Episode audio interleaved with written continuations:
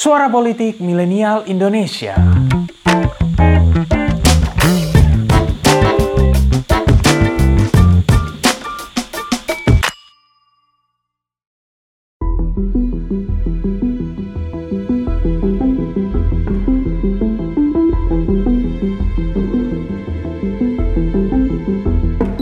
Pasti di antara kalian ada yang sering pantengin IG-nya Pak Jokowi ataupun YouTube Sekretariat Negara untuk menyaksikan aktivitas presiden kita di ibu kota negara yang akan dibangun. Yes, pasti sering banget ngeliat aktivitas yang terjadi di sana. Termasuk yang terbaru soal persetujuan Pak Jokowi terkait pembangunan pusat pelatihan tim nasional sepak bola Indonesia. Gak tanggung-tanggung, akan ada 8 lapangan yang dibangun di IKN ini. Wow, banyak banget ya, ada 8.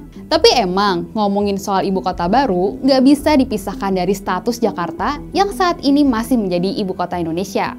Pasalnya, sebagai kota yang telah menyejarah menjadi pusat bisnis dan pemerintahan, Jakarta sebetulnya tidak didesain untuk menjadi ibu kota negara. Ini salah satunya pernah diutarakan loh oleh arsitek sekaligus gubernur Jawa Barat, Ridwan Kamil. Menurut Kang Emil, di masa lalu sempat dilakukan survei terhadap kota-kota lain yang hendak dijadikan pengganti Jakarta sebagai ibu kota negara oleh pemerintah Hindia Belanda. Hmm, penasaran gak sih kota apa aja yang kala itu dijadikan kandidat ibu kota? Dan kenapa ya Jakarta dianggap sebagai kota yang tak cocok untuk jadi ibu kota? Inilah risalah menuju ibu kota di luar kota.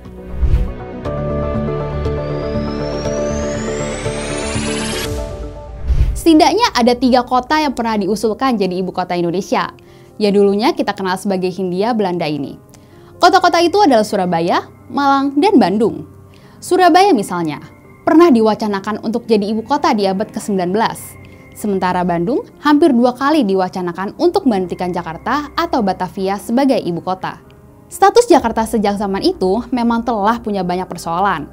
Wabah penyakit sampai menyerang beberapa kali, termasuk malaria yang terjadi di tahun 1730-an dan menyebabkan ribuan korban jiwa. Sejarawan J.J. Rizal menyebutkan, hal ini terjadi karena konsep arsitektural Batavia dipaksa sedemikian rupa mengikuti arsitektural ruang kota Amsterdam yang memiliki banyak kanal.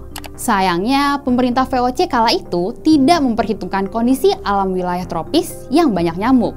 Akibatnya, terjadilah banyak wabah malaria. Nah, kemudian di tahun 1821, Batavia kembali mengalami wabah kolera. Bahkan wabah ini terjadi beberapa kali dalam periode tersebut. Demikian pun dengan tahun 1911 hingga 1912. Batavia kembali kena wabah leptospirosis atau penyakit yang disebabkan oleh kencing tikus yang kemudian menulari manusia. Ini belum lagi kalau kita bicara soal bagaimana sungai-sungai di Batavia mulai tercemar bahkan sengaja dicemarkan oleh Sultan Agung dari Mataram saat melaksanakan penyerbuan ke Batavia. Kala itu Sultan Agung menggunakan perang biologis dengan mencemari sungai-sungai di Batavia agar timbul wabah yang melemahkan orang-orang Belanda. Hal-hal tersebutlah yang membuat beberapa tokoh, misalkan Hendrik Frick Tilema, menggagas studi terkait kesehatan kota-kota di pesisir Pulau Jawa Didukung pula oleh Jake Loper yang merupakan rektor Tenisha Huge School yang kini kita kenal sebagai kampus ITB. Ide-ide tersebut diusulkan ke Gubernur Jenderal Hindia Belanda JP Graaf van Limburg Stirum di tahun 1916 dan sambutannya pun cukup positif. Kota Bandung saat itu menjadi tujuan pemindahan, sehingga beberapa kantor pemerintah sudah mulai dipindahkan Walau sempat terhambat karena depresi ekonomi di tahun 1930-an, usulan ini sempat dijalankan kembali. Militer misalnya, sudah mulai dipindahkan ke daerah Cimahi. Kemudian, kantor Kementerian Perhubungan juga dipindahkan ke Bandung. Inilah alasan kenapa kantor pusat PT KAI ada di Bandung. Demikian pun dengan Kementerian ASDM dan sempat pula Kementerian PU. Namun, kepindahan tersebut gagal terlaksana lagi karena pecah Perang Dunia II di tahun 1939 Cerita akhirnya adalah ya Batavia yang kemudian Jakarta masih tetap berstatus ibu kota hingga Indonesia merdeka. Seiring waktu di era Bung Karno, ibu kota sempat ingin dipindahkan ke Palangkaraya. Sedangkan di era Soeharto sempat ada wacana ibu kota pindah ke Jonggol.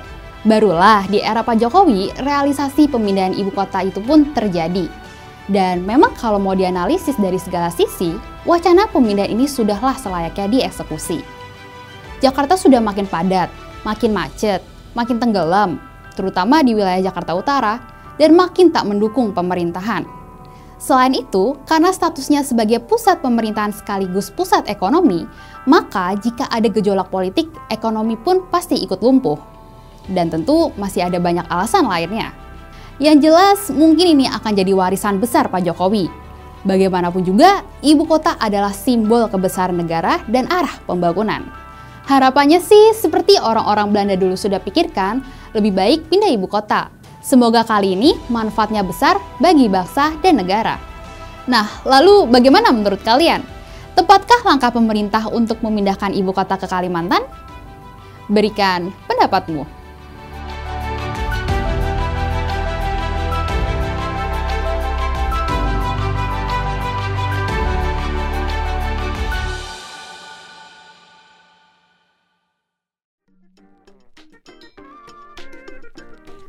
Terima kasih telah mendengarkan episode kali ini. Nantikan episode-episode selanjutnya dan jangan lupa untuk kunjungi pinterpolitik.com untuk dapatkan informasi seputar fenomena politik di Indonesia.